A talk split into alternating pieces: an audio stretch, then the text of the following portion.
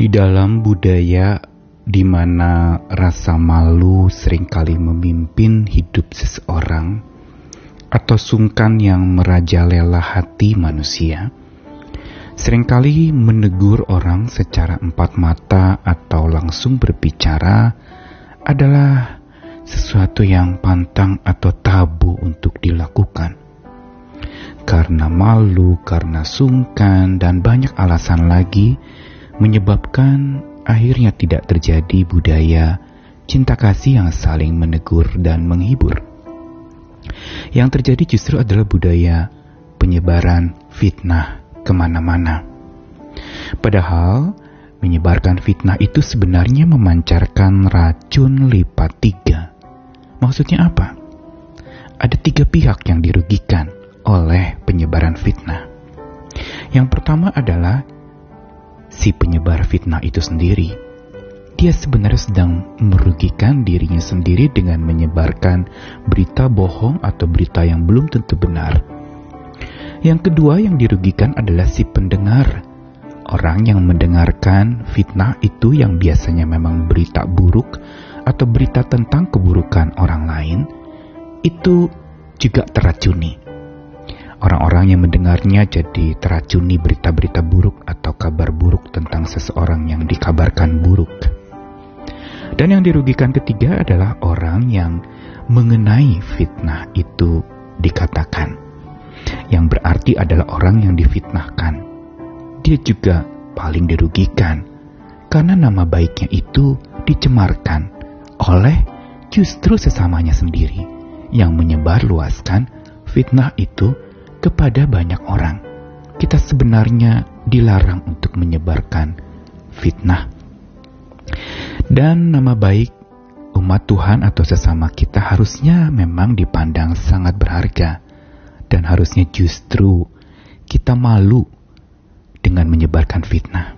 Karena sebenarnya saat menyebarkan fitnah kita sedang menolong si iblis untuk mencela rumah Tuhan, mencela nama umat Tuhan, mencela sesama orang percaya, bahkan mencela gereja Tuhan.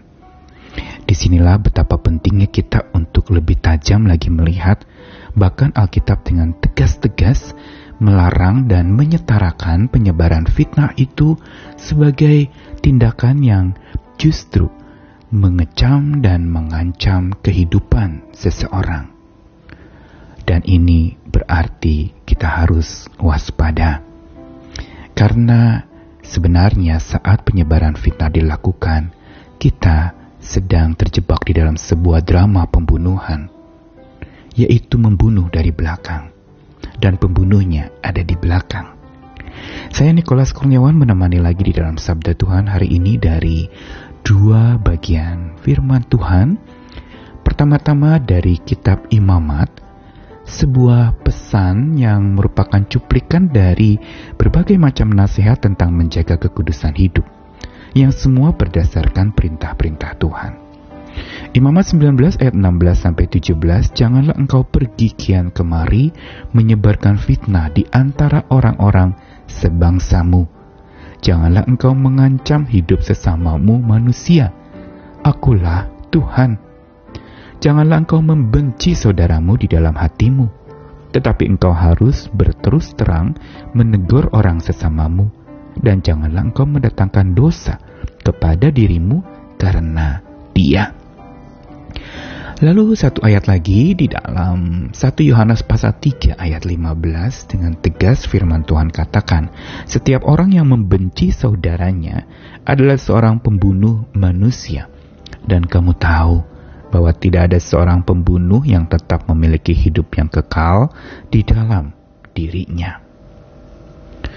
Apa yang dikatakan dengan gamblang dari sabda Tuhan sebenarnya teguran yang sangat keras dalam menjaga kekudusan hidup manusia.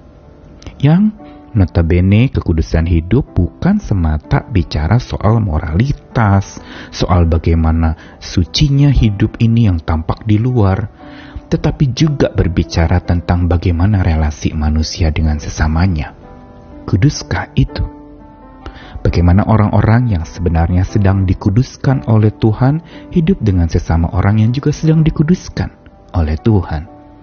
Yang di dalamnya tidak jarang terjadi konflik bersih tegang dan hubungan yang saling membunuh dari belakang. Mengapa Alkitab dengan tegas mengatakan bahwa penyebaran fitnah atau kabar buruk dan kabar burung tentang orang lain itu setara dengan ancaman buat kehidupan manusia. Karena Imamat 19 ayat 16 tadi mengatakan bahwa ketika seseorang itu sedang menyebarkan fitnah di antara orang sebangsanya, dia berarti sedang melakukan sebuah tindakan yang membunuh orang lain.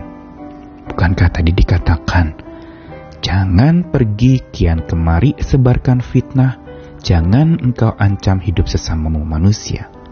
Ini dua ayat yang setara. Pergi menyebarkan fitnah sama halnya dengan mengancam hidup sesama manusia.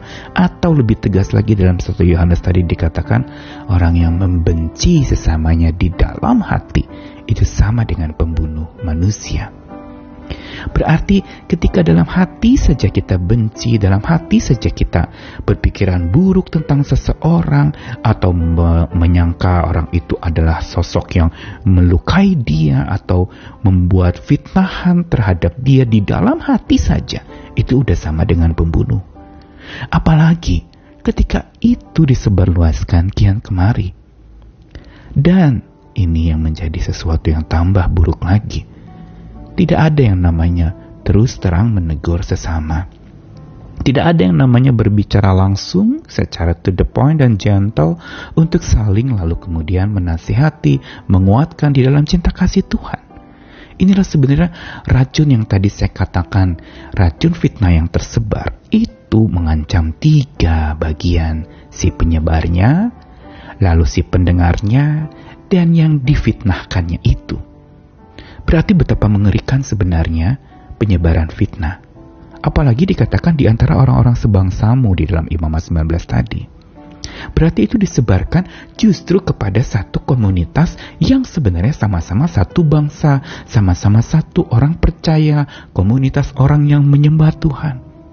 Ini adalah sesuatu yang ditegur keras dalam firman Tuhan, bahkan disetarakan dengan pembunuh. Apa yang diajarkan di dalam 1 Yohanes pasal 3 tadi juga mau menegaskan dengan lebih keras lagi. Setiap kebencian saudara di dalam hati itu adalah sama dengan pembunuh manusia.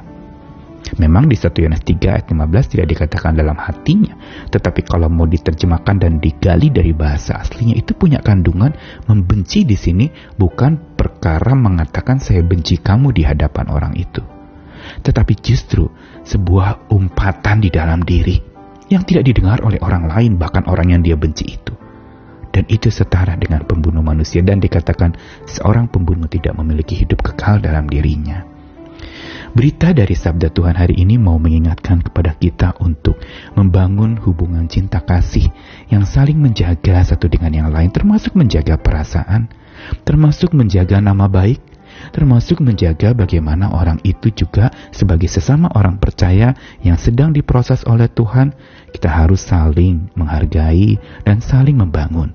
Orang yang hanya berani menyebarkan fitnah dan mengecam dari belakang, sama dengan orang yang sedang membuat cinta kasih itu terjengkang ke belakang dan musnah di dalam makam.